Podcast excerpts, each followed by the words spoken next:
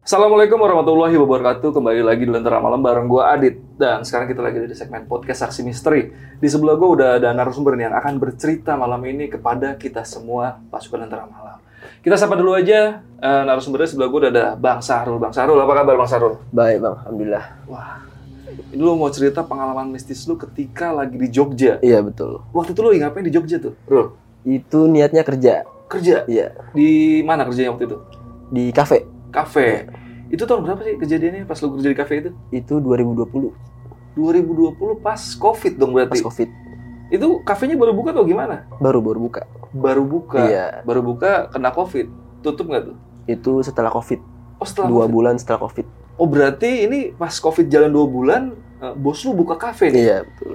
Ini bosnya teman lu sendiri atau siapa? Temen temen bang. Temen. Temen main waktu itu kebetulan temen kecil sih. Temen kecil. Iya. Lu pernah tinggal di Jogja tuh? Nggak pernah sebelumnya. Dia kenalnya gimana? Dari mana tuh? Temen kecil di Jakarta. Oh dia di Jakarta Iya dulu di. Jakarta. Terus dia hijrah ke Jogja. Iya karena keluarganya di Jogja. Oh, Iya. oke. Dia buka kafe di sana. Mm-mm, Dan ternyata tempatnya horor. Bener. Oke, jadi buat kalian yang penasaran sama cerita lengkap dari si Arul ini, simak terus podcast ini sampai habis. Tapi sebelum itu gue mau infoin dulu nih buat kalian yang pengen jadi narasumber seperti Arul yang ada di sebelah gue. Langsung aja DM ke Instagram Lentera Malam itu ada di lentaramalam.id. Dan jangan lupa juga mampir ke Spotify-nya Lentera Malam karena kita di sana punya konten eksklusif yang nggak kita upload di YouTube-nya Lentera Malam. Oke, Rul, udah siap nih buat cerita malam ini nih? Siap. Siap. Nggak usah lama-lama lagi sebelum denger ceritanya. Kalian tonton dulu intronya.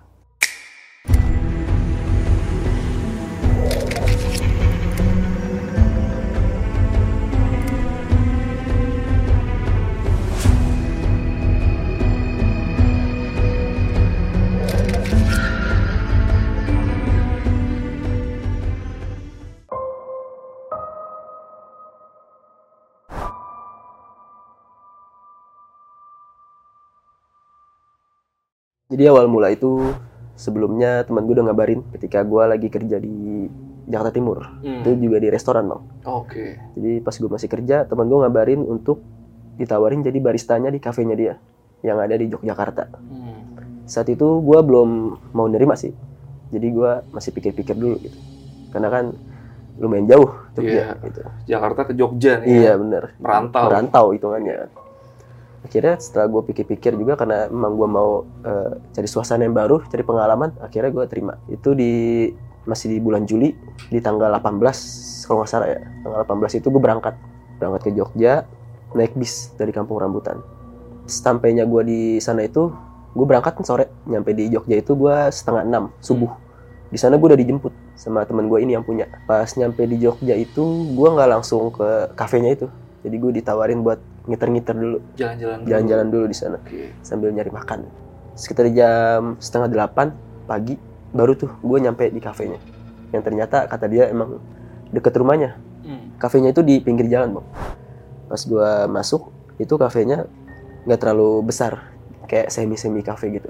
Ukuran kafenya itu kurang lebih ke sananya 6, 6 meter. 6 meter, ke belakangnya itu 8 9 apa? ya?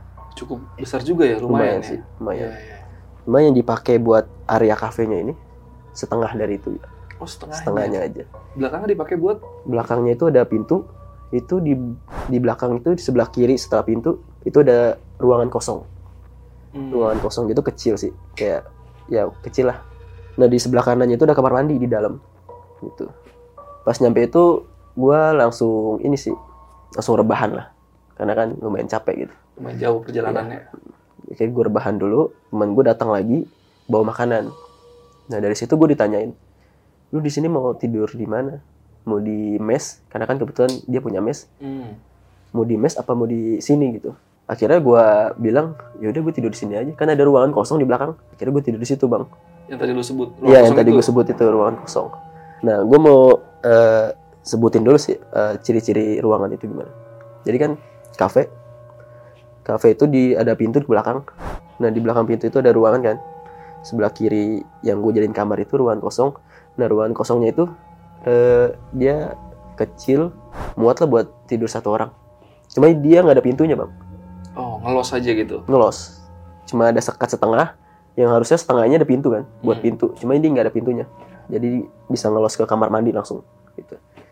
Untuk bagian atasnya nih, di bagian belakangnya itu nggak nutup jadi ada loteng Iya, terbuka gitu Terbuka. ya. Rangka gentengnya gitu. bener gitu jadi yang gue bilang tadi ada sekat setengah itu juga nggak nyampe atas dong Hmm. jadi cuma setengah doang Iya, iya. seakan-akan ada ruangan buat kita duduk-duduk di situ di atas itu terus untuk kamar mandinya itu jaraknya sekitar 2 meter aja sih dari tempat yang gue tidurin itu akhirnya di hari itu juga si Ivan ini nganterin kasur nganterin inilah buat gue tidur di situ prepare gitu Mm-mm.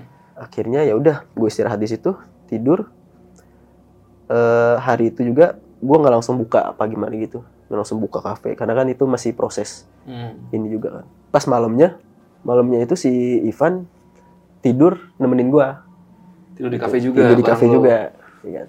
Pakai baju tapi pakai baju dong dua-duanya. dua-duanya cuma nggak tidur di kamar Iya, kebetulan. Oke. tidurnya di ruangan kafe itu. Nggak terjadi hal apa-apa gitu. Yang berbau mistis nggak. Jadi tidur nyantai kita tidur jam 10-an udah tidur. Besokannya baru kita prepare buat beli bahan-bahan. Hmm. buat persiapan buka kafe. Ngiter tuh sekiraan kita mampir-mampir ke Malioboro gitu. Setelah beli bahan kita balik lagi ke kafe. Nah ternyata di kafe itu udah ada satu orang yang nungguin.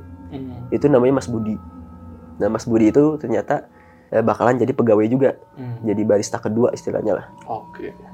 ya udah kita akhirnya boleh dah tuh persiapin bahan-bahan buat buat launching nanti pembukaan kafe karena kebetulan pembukaan kafe nanti kita gratisin Oh. menu jadi kan lumayan ngundang orang Iya, iya. seharian full gratis tuh. seharian full gratis setelah eh, beres-beres bahan kita siapin ini kita nggak langsung buka karena buka besoknya Hmm. Singkat cerita aja pas eh, malam harinya itu gue tidur masih ditemenin sama Ipan. Hmm.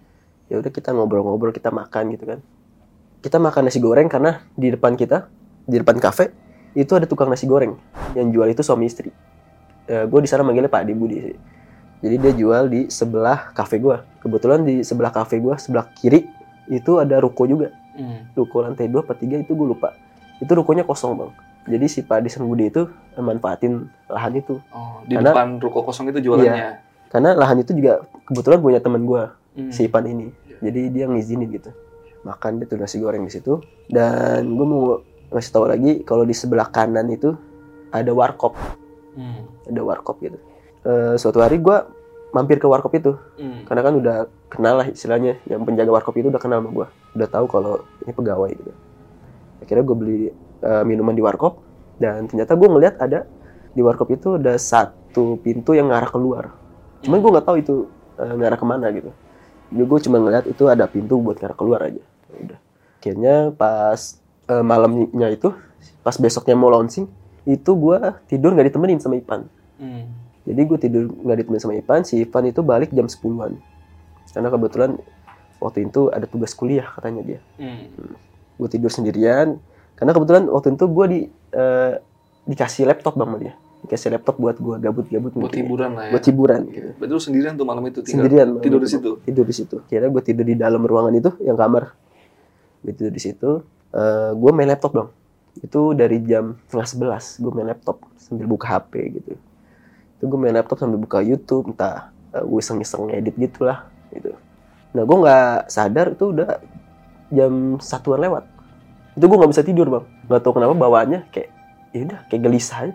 Gue sambil ngeliat-ngeliat ke langit-langit. Iya. Karena kan kebetulan langitnya itu Kebuka kebuka gitu. Lumayan bikin serem juga kan suasananya. Akhirnya jam setengah duaan itu gue masih belum tidur. Gue kebelet ngencing nih. Buang air kecil gue. Jadi kan gue tinggal jalan doang kan. Tinggal kamar mandi. Akhirnya gue kencing, gue buang air kecil. Setelah gue buang air kecil kan biasa di kamar mandi kan ada topo ini. Kayak apa tuh? lap-lap alas oh, kaki gitu. keset, keset. Keset, keset. Iya, iya. Ya, sorry. Kayak ada keset gitu ya di kamar mandi. Jadi sebelum gua balik ke kamar, Bang, itu gua eh, lap kaki gua di keset. Cuma posisi kepala gua kan ke bawah. Nah, pas gua mau jalan ke kamar, itu gua ngeliat ada sosok perempuan, Bang. Sosok perempuan di atas sekat itu, Duduk di situ. duduk di situ. Di situ gua benar-benar ngeliat dengan mata kepala gua sendiri, itu perempuan, cuma dia eh, badannya ngebelakangin gua, Bang. Hmm. itu gue ngeliat pas gue ngeliat itu gue nggak bisa ngapa-ngapain bang. Beneran. Itu sekitar 2 sampai lima detik kan gue nggak bisa ngapa-ngapain. Gue cuma mata gue kayak kekunci ke situ. Nggak lama itu perempuan terbang nembus tembok ke depan. Setelah dia hilang itu gue langsung kabur ke luar membuka rolling door. Hmm. cuma gue lupa pintu rolling door masih di kamar Kuncinya. kuncinya. Ya kuncinya masih di kamar nih. Akhirnya pas gue mau ngambil gue lari. Gue lari ke kamar buru-buru gue langsung buka rolling door. Itu sampai-sampai kuncinya itu jatuh mulu bang. Iya, karena Pas- panik gitu. karena panik. Pas kebuka gue udah lumayan kayak lega lah udah kebuka. Cuma eh, posisi itu kan udah malam. Itu jalanan bener-bener sepi gelap bang. Itu lampu-lampu ruko lampu-lampu rumah warga depannya itu pada dimatiin bang. Cuma gue ngeliat ada angkringan yang masih buka. Hmm. angkringin angkringannya itu jaraknya lima ruko lah. Lima ruko dari kafe gua. Lima ruko itu ke arah kanan ke arah warkop sana. Mm-mm. akhirnya gua ke situ. Cuma pintu kafe gua gua nggak tutup. Gua ke situ gua ngerokok lah gua main hp karena di situ ada orang juga kan. Eh, gua di situ sampai jam empatan bang. Hmm. sampai jam empatan kurang lebih. Karena udah mau subuh akhirnya udah udah gitu si angkringannya udah mau tutup. Akhirnya mau nggak mau ya gua harus balik ke kafe. Nah pas gue balik ke kafe itu gua nggak langsung masuk ke kamar bang. Gue mikir-mikir dulu ini gue mau ngapain ya? Antara ya masih takut loh Iya, iya. akhirnya gua ngambil laptop bang. Gua ngambil laptop di kamar. Gue main laptop di depan rolling door itu. Hmm, di luar. di luar. Gue main di situ.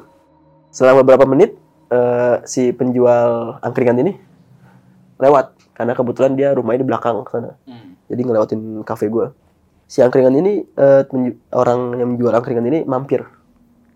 Mampir ke kafe gue basa-basi lah dia cuma mau ngeliat ininya kafenya kayak gimana. Sambil nanya dari mana gitu. Udah berapa lama gini gini gini macem. Nah pas singkat cerita pas dia mau pulang dia kayak nitip pesan gitu gue bang. Kamu di sini sendiri tidur? Iya pak sendiri. Oh alah ya udah hati-hati ya. Soalnya di belakang kuburan.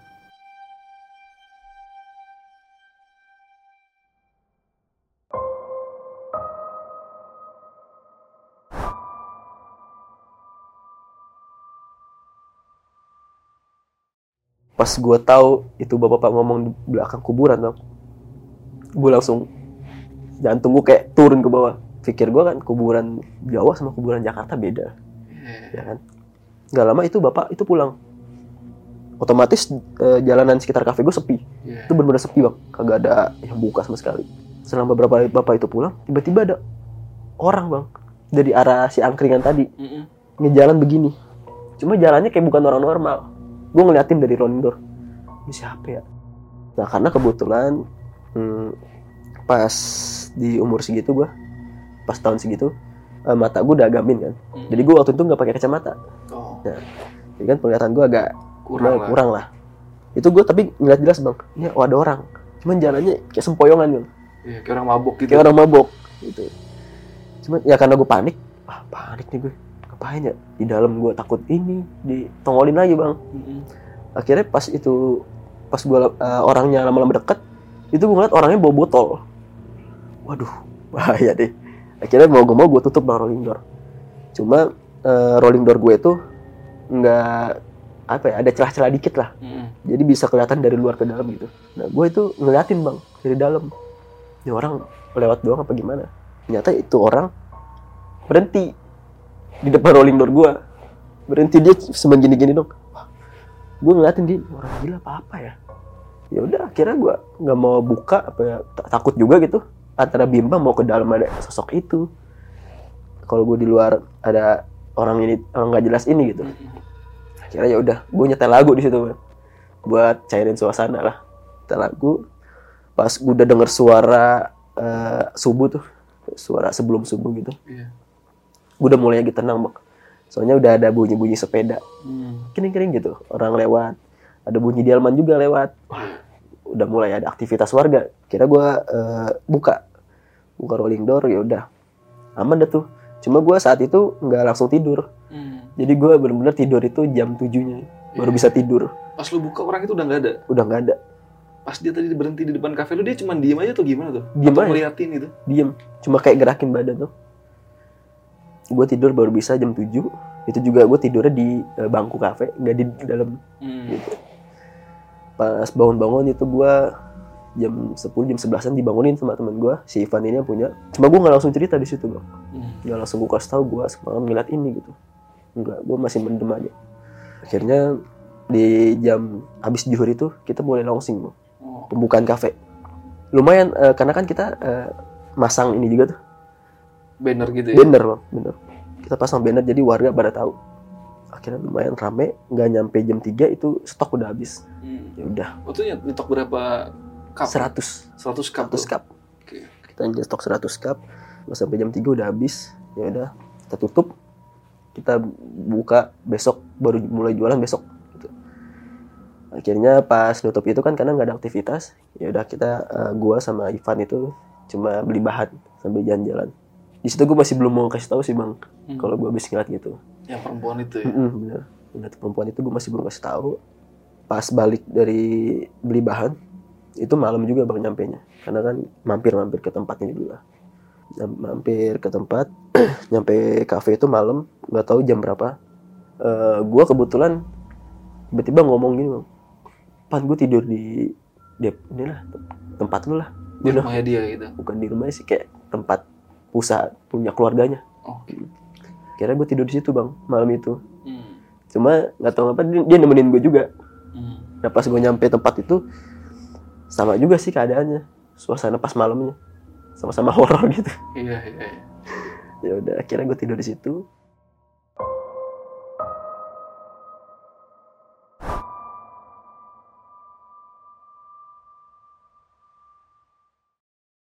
Singkat cerita aja pas besoknya mulai itu bang.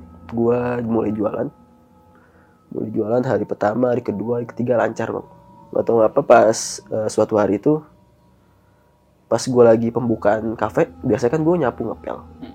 pas gue nyapu ngepel ini eh, si teman gua nih ngeliat bang ngeliat ada rambut panjang di lantai berserakan Ini berapa hari setelah launching cafe nih? nggak lama sih ya sekitar tiga atau empat hari setelah launching Heeh. mungkinan gitu Lagi bersih-bersih nih lu ya. lagi bersih bersih mempersiapkan buka kafe Hmm. nah itu temen gue ngeliat ada rambut panjang di, di lantai akhirnya ditanyain Mas Budi sama gue ditanyain lu habis nyukur gak kagak habis nyukur ya udah akhirnya karena masih positive thinking lah kita cuma dibersihin dibuang keluar. Singkat cerita aja itu habis setelah tragedi rambut itu normal bang. Pas malamnya itu saudaranya si Ivan datang bang. Namanya Niko. Dia datang kebetulan sama temennya tuh. Pas nggak lama dia datang kita kan emang itu posisi udah malam kan. Itu udah mau persiapan tutup juga. Nah dia sambil ngopi juga di situ. Jadi sambil dia ngopi kita sambil tutup tutup bang. Sambil bersih bersih Beres-beres. beres beres kayak biasa gue nyapu temen gue ngepel atau enggak ganti gantian gitu nggak lama si saudaranya si Ivan ini eh, ngelihat rambut panjang di bawah lantai cuma dia doang yang ngelihat akhirnya pas eh, dia ngomong gitu eh bener bang ada rambut panjang berserakan lagi di lantai malam itu juga Nggak cuma satu. nggak cuma satu banyak Ya. banyak Bang. ya karena yang gue bilang tadi gue kan walaupun gue nyapu cuma kan karena eh, mata gue min jadi nggak terlalu jelas bang. Iya, iya. ya gitu. akhirnya dia ngeliat gitu panik dong. Yang tadi ngeliat juga gua Mas Budi sama si Ivan ini panik. Sambil bingung lah ini rambut siapa ya? Akhirnya kita kasih tahu tuh ke si Niko ini soalnya tadi rambut ada juga nih. Tadi pagi pas gue buka ini rambut ada juga panjang. Itu emang pas kita kita ambil tuh bang rambutnya panjang bang. Lumayan panjang. Di antara lu nggak ada yang rambutnya sepanjang nggak itu. ada nggak ada nggak ada itu pas dilihat wah rambut siapa nih? Akhirnya si Niko ini ke bawah suasana bang. Jadi si pan dia panik juga. Pas banget itu udah kita udah beres-beres udah nutup udah mau pulang. Si Niko ini nawarin ke gua sama si Ivan buat tidur di rumahnya. Ya udah. Akhirnya jalan tuh dia ke rumahnya dia. Hmm. lumayan jauh sih dari kafe. Pas kita masuk eh, nginep di rumahnya itu nggak tahu ngapa kita bertiga nggak bisa tidur bang. Nah jadi rumahnya si Niko ini cukup cukup gede bang. Nah, cuman depannya ini kayak eh, batu-batu Jawa. Hmm. pas kita itu posisi jam setengah tiga bang. Nggak bisa tidur. Tiba-tiba ada suara dari bawah. Nah kan eh, kamar Niko di lantai atas. Hmm. tiba-tiba ada suara dari bawah dari dapur. Suara barang jatuh bang. Si Niko ini mau ngecek. Cuma di situ saya udah pura-pura tidur bang. Biar kagak diajak sama dia. Iya. iya. Rul temenin gua Rul. Ngapain? Ke bawah mau ada apa di bawah? Cuman eh, saat itu gue udah tahu ada bunyi barang itu. Gue gue nggak mau ini. Karena lu denger juga itu. dengar juga. Temenin gue ke bawah. Ngapain ke bawah? Udah temenin ya. Akhirnya turun gitu bang. Turun. Ternyata suara dari dapur bang. Suara dari dapur itu eh, sodet bang yang jatuh. Sodet jatuh. Jadi dapurnya si Niko ini eh, ada kaca. Itu kaca itu kaca sama dia sebelumnya itu ditutup bang memang karena kan malam ya. Iya. ditutup itu nggak tahu ngapa kata Niko? Niko kaca kebuka. Nah itu posisi dapurnya itu depan dapurnya itu kolam renang bang. Hmm. kolam renang ada banyak pohon-pohon lah. Itu kacanya kebuka katanya dia, bang. Gua nggak tahu sih pas itu maksudnya eh, itu kaca emang awalnya ketutup apa kebuka. Cuma dia bilangnya gitu ini kok kaca kebuka sih? Itu akhirnya ya udah kita tidur atau habis itu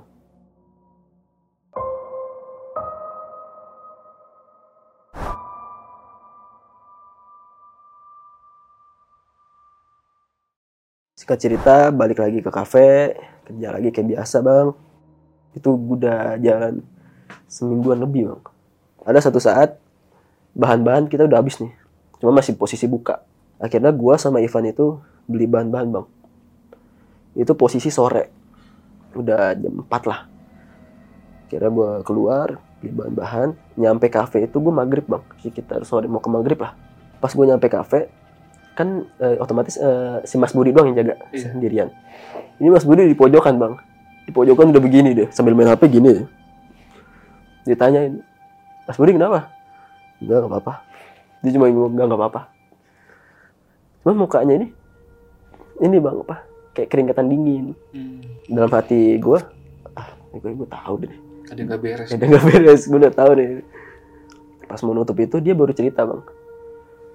Van, tadi dia ngomongnya ngomong bahasa Jawa sih bang. Cuman mungkin karena dia nggak mau gue tahu apa gimana gitu. Nah, nah saat itu Mas Budi ngobrol bang sama si Ivan nih dalam bahasa Jawa.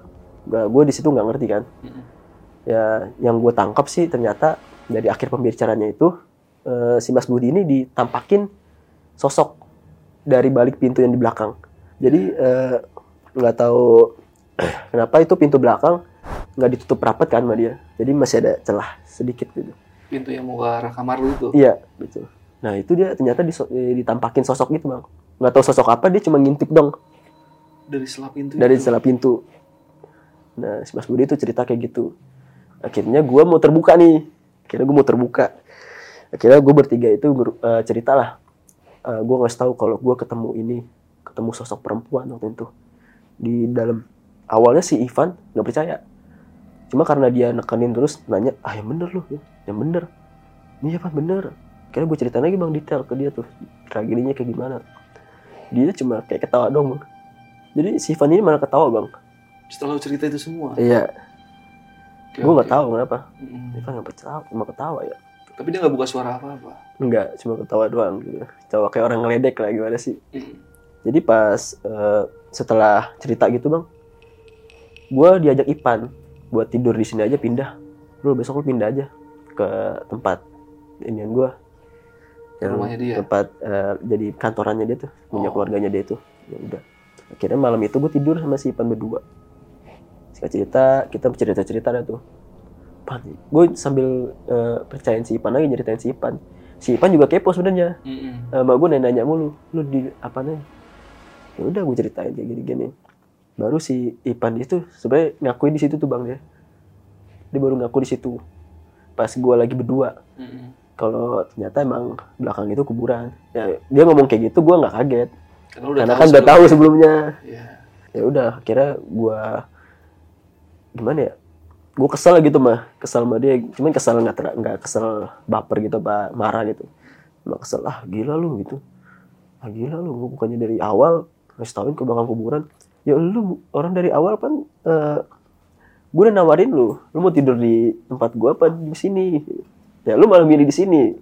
Ya salah gue juga sih bang. Iya.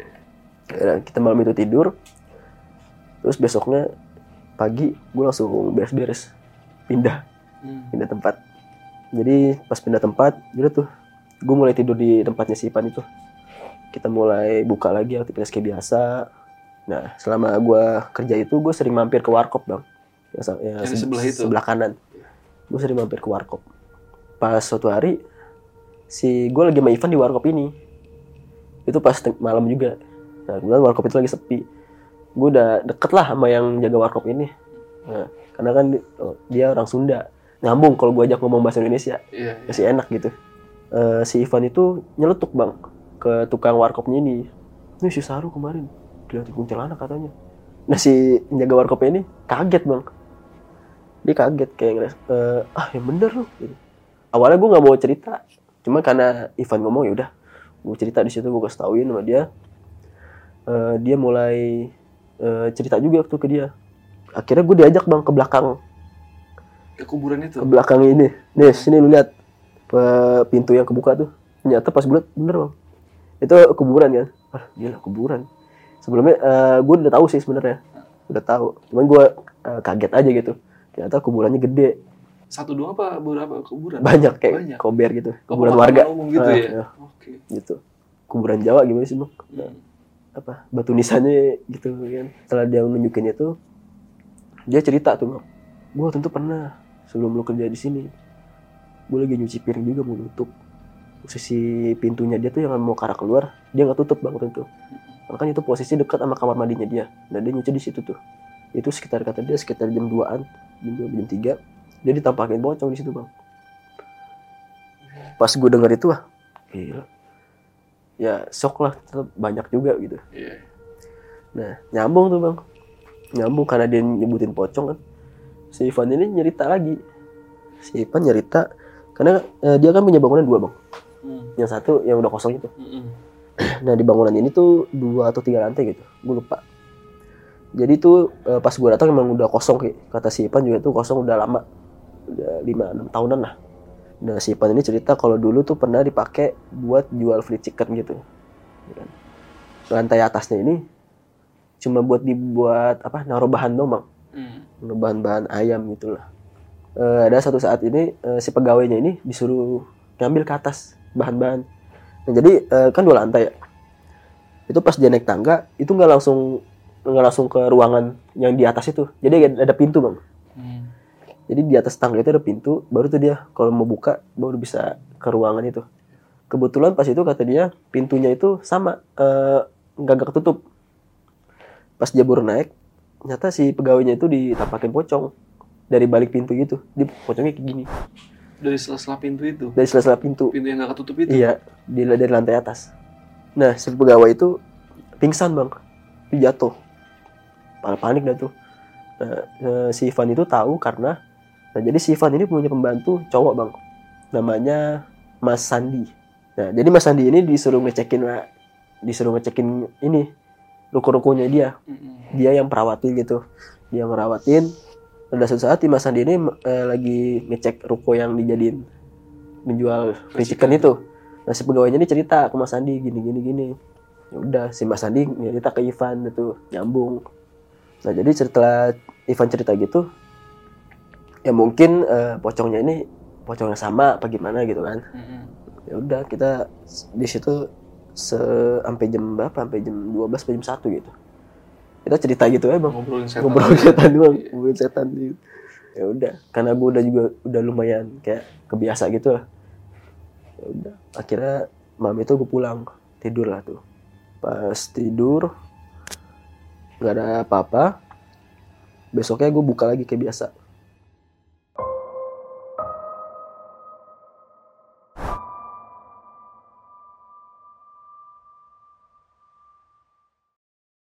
Eh, singkat cerita gue mulai kerja kayak biasa bang.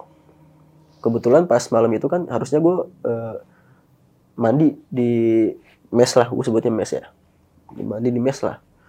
Cuma gue nggak tahu apa gue gerah gue mandi di dalam. Di kafe kamar mandi kafe. kafe. Nah kebetulan saat itu si Ipan udah pulang duluan. Hmm. gue masih megang kunci kan. Ya udah gue tutup dulu rolling door gue mandi. Eh, sekalian gue juga mau nyantai-nyantai dulu bang mau nyebat gitu. Kayak gue mandi. Eh, jadi kan kamar mandi gue eh, yang kamar mandi kafe belakang tuh itu sebenarnya bukan kamar mandi umum bang Hmm. cuma buat pegawai-pegawai doang Iya. baru tuh kalau ada customer yang kebelet gitu ya udah boleh dipakai gitu jadi posisi kamar mandinya itu eh, sama nggak ketutup bang Hmm. cuma kayak kelihatan lah Iya. jadi loteng yang kebuka itu kelihatan dari gue bang Iya. itu posisi lumayan udah malam sih gue lupa jamnya pas gue mandi itu sama gue ngerasain kayak hawa-hawa yang gimana gitu gue mulai eh, netting lah udah mulai pikiran gue udah kacau pas mandi nah di ekor mata gue ini eh, kan gue mandi madep sini madep sana nih. Karena kan eh, bak mandi di sini. Gue mandi madep sana. Jadi ini nih yang lorong yang loteng kebuka. Jadi ekor mata gue ngeliat ke sini. Itu gue ngeliat kayak ada sosok gitu. Lihat ada sosok wah. Ya udah tapi gue fokus mandi. Cuman gue yakin nih ada sosok nih di sini. Iya. pas gue mandi gue buru-buru mandi. Gue langsung pakai baju dan segala macem. Gue buka rolling door. Kira gue nyebat di depan pintu nyebat di depan pintu. Itu eh, pintu belakang gak gue tutup bang.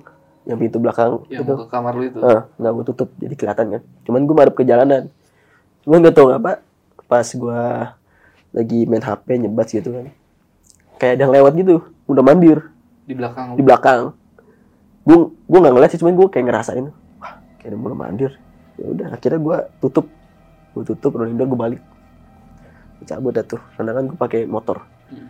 Dikasih motor juga gitu. Akhirnya gue cabut. Tidur tuh bang. Jadi selang beberapa kejadian yang terus kayak neror gue gitu loh teman-teman gue ini suatu saat pas malam itu gue nanya gue mampir ke penjual nasi goreng Padem Budi. Udah gue makan di situ bang. Sendiri saat itu posisi sendiri. Gue iseng nanya ke Pade Pade ini dulu eh, tempat apa sih ini? Ini sebelumnya sebelum kafe apa sih Pade? Pade itu langsung eh, nyeritain lah jadi ini emang udah kosong udah lama bangunan dalamnya tuh sebelumnya nggak kayak gitu itu direnov pas kamu belum dateng pas emang mau rencana bangun kafe kalau yang di samping Pade kan ada bangunan lagi tuh bang yang Hmm. kosong itu Nah, kalau yang di samping ini emang udah lumayan lama kosong. Itu kosong udah sekitar 5-6 tahunan. Dia ngomong gitu bang. Sebelumnya juga ditempatin sama jual free chicken gitu. Hmm. Emang kamu kenapa? Ada yang ganggu? Nah dia nanya gitu bang. Iya. Akhirnya ya gue terbuka bang. Gue jelasin, gue ceritain kalau gue ditampakin gini-gini. Ya pada eh, selalu ditampakin ini sosok kuntilanak di dalam. Padahal cuma nyengir sama budenya. Cuma nyengir doang akhirnya Pak Ade juga langsung eh, nyeritain lagi bang Iya kuntilanak itu emang sosok di situ menunggu situ bang Penunggu kafe lu itu. menunggu situ emang dan kata dia udah lumayan lama soalnya kalau emang lagi eh, dagangannya lagi sepi nih otomatis kan dia larut malam tuh. Pas sebelum kafe itu buka Pak Ade sering duduk di situ duduk di depan rolling door. Nah dari belak dari dalam suka ada yang gedor-gedor apa gimana gitu. Pak Ade itu cerita kayak gitu. Ya mungkin tuh penunggu kuntilanaknya gitu. Nah kalau yang sosok pocong Pak Ade? Ah pocong? Emang kamu lihat juga pocong? Enggak sih Pak Ade. Cuma dikasih tau doang eh, yang jual warkop itu. Nah kalau pocong itu di samping oh sampingnya juga ada iya. Itu nggak tahu penunggu sini apa bukan itu. Cuman pada itu tahu kalau sosok pocong itu di sini. Jadi itu ada dua sosok bang. Hmm. pocong yang di sebelah bangunan kafe gua kuntilanak itu di kafe gua ini. Eh, pas eh, pada ngasih tahu emang wilayah ibarat kata kecamatan itulah. Itu dulunya kayak tempat eh, pembantaian gitulah. Buat PKI Iya, iya. iya. jadi itu banyak eh, korban-korbannya yang dikubur di belakang itu kemungkinan ba- banyak Iya. Mungkin banyak. Korban-korban pembantaian PK, Heeh. eh, era PKI itu Iya. dikubur di di situ pemakaman yang belakang kafe situ. Heeh. gitu. Iya. jadi emang pas gue iseng juga ngeliat kuburannya emang kuburan kayak kuburan tua Jawa gitu bang kuburan Hmm. Jawa yang tua gitu Iya, iya. Nah, eh, dari Pade nggak ada informasi lagi tuh selain eh, informasi itu. Udah nggak ada sih bang dia cuma pada itu cuma ngasih tahu kalau eh, tragedinya kayak gitu Iya. histori tempat eh, ke- kecamatan itu kayak gini Iya, iya, iya. Dan lu abis itu gimana tuh pas dengar penjelasan dari si Pade itu gimana tuh akhirnya? gue ibarat eh, kayak takut cuman agak di samping itu gue agak lega gitu Heeh. karena gue ah, tahu nih gue Iya. udah tahu sosok apa histori tempatnya kayak gimana gitu Mm-mm. sosoknya apa aja gitu gue udah lumayan tenang lah Iya. berkata. Walaupun gue sebenarnya takut juga. Akhirnya setelah beberapa itu gue masih kerja. Masih kerja gue tuh udah jalan sebulan setengah bang. Gak tau apa gue juga kangen suasana rumah kan. Ya udah akhirnya gue mutusin desain Dari- kerjaan itu. Gue ngomong sama temen gue gue cabut ya ke Jakarta. Gue pulang. Iya, iya. teman gue juga udah tahu bang. Ya udah gue juga tahu kok lu di sini tekanan batin kayak Nggak nyaman gitu ya? nyaman Iya. iya. Berarti lu total kerja di situ selama satu setengah bulan. satu setengah bulan Iya. Nah tadi kan pas lagi pertama kali lu cerita sama si Ivan yang tentang sosok kuntilanak itu dia kan sempat ketawa ya. Heeh. Itu lu tanya gak sih kenapa dia bisa ketawa pas lu ceritain eh, sosok kuntilanak itu?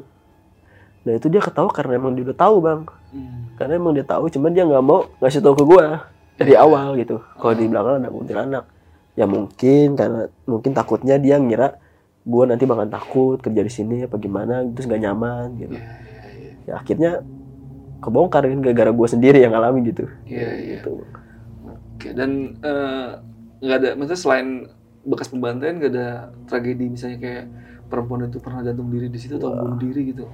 kalau sosok histori histori dari sosok itu sih gue kurang tahu bang Nggak dapet ya ceritanya. Hmm. Dan lu nggak nanya sama si Ivan gitu? nggak nanya sih gue waktu itu Nggak cerita juga dia? nggak cerita juga Oke. Ya gue tahunya di situ ada sosok kuntilanak sama pocong lah Hmm. Dan tadi partner lu siapa? Mas Budi ya? Mas Budi Mas Budi itu pas lu resign dia masih kerja atau masih resign juga? masih kerja Oh masih kerja masih dia. kerja. Pengalaman mistis dia cuma yang itu doang, yang diintip dari belakang doang. Iya dari situ doang Gak pernah cerita lagi dia. Pa- pernah pernah lihat apa lagi di situ? ya itu paling yang diintipin dari sosok dari balik pintu Mm-mm. sama yang rambut itu karena kan di situ tuh dia ada Oh, itu doang sih paling dia iya iya itu. iya. Nah itu dia. Tadi kan lu sempat bahas yang tentang rambut itu yang baru, baru selalu sebutin tuh. Hmm. Itu kejawab nggak sih rambut siapa? Rambut kuntilanak itu atau siapa gitu? itu sampai sekarang juga belum tahu bang itu rambut siapa karena emang panjang banget Dan jumlahnya banyak atau sedikit sih? lumayan banyak sih Lumayan banyak. lumayan banyak karena kita sapuin pas kita satuin di eh, apa pengki gitu kan Heeh. itu kita ini lumayan banyak Lumayan banyak. dan panjang-panjang Kuntilanak bisa rontok juga rambutnya ya. mungkin karena nggak pakai sampo kali. Eh, nah, eh, setelah lu resign nih kan satu setengah bulan kerja itu kafenya masih jalan atau gimana tuh? itu sebulan setelah gue resign ternyata kafe tutup bang Hmm. Kenapa tutup ya? nggak tahu sih apa mungkin eh, daya jualnya juga kurang karena Oh. mungkin di wilayah situ Iya, iya, agak kurang penjualannya mungkin agak kurang juga mungkin. ya. Iya, iya. Oke, jadi itulah pengalaman mistis lu ketika lu mencoba merantau ke Jogja ya. Iya. Dan buat kalian yang eh, pengen sapa-sapa Sarul lebih jauh lagi, pengen kenal sama Sarul, bisa mampir ke Instagramnya aja. Itu di mana, Rul? Instagram lu, Rul? di at bang Sarul underscore Oke, nanti linknya gue taruh di deskripsi. Kalian sapa-sapa aja dan mampir ke Instagramnya si Bang Arul. ini. Siapa tahu eh, kalian juga ada yang tinggal di daerah tempat kafenya si Arul di Jogja. Jogja Karena penonton normal banyak juga orang Jogja. Siapa tahu tahu. Ini daerahnya eh, ciri-cirinya apa nih, Rul? Daerahnya, Rul? ciri-cirinya tuh ada sosok rumah yang emang tuh udah mistis dan terkenal di situ bang Oh, apa namanya? Rumah apa tuh? rumah pocong titik-titik gitu Oh, ada di sana. itu satu kecamatan lah ibaratnya Di Jogja itu ada. di Jogja boleh Baru dengar gue tuh rumah pocong itu. boleh ke sana nggak sih Boleh sih. yang rumah pocong sumi itu Pocong Sumi. iya Oh, di situ tempatnya. iya satu kecamatan baru rumah pocong sumi bang Oke, oke. Ya, ya, ya. Dan, dan gue mau tahu lagi eh, kecamatan yang tempat gue kerja itu Mm-mm. kan itu nggak terlalu besar bang Hmm. itu di situ ada kuburan kerajaan Kerajaan Keraton apa bukan? kerajaan Mataram Mataram. Mataram Oh, berarti kuburan kuno itu ya? iya kuburan kerajaan bang Iya, jaraknya nggak terlalu jauh dari kafe nggak terlalu jauh Oke, oke. sekitar lima menit bang 5 menit. dari kafe Serem juga ya daerahnya ya. lumayan Yaudah, eh, jadi buat kalian yang pengen sahabat-sahabat lebih jauh lagi, mampir aja Instagramnya si Arul itu udah ada di deskripsi, udah gue taro. Podcast malam ini gue rasa cukup sampai sini aja. Thank you banget nih, udah share Iya. pengalaman mistis lu ketika lu merantau di Jogja. siap Oke, gue di dalam malam dan Sarul izin pamit. Bye.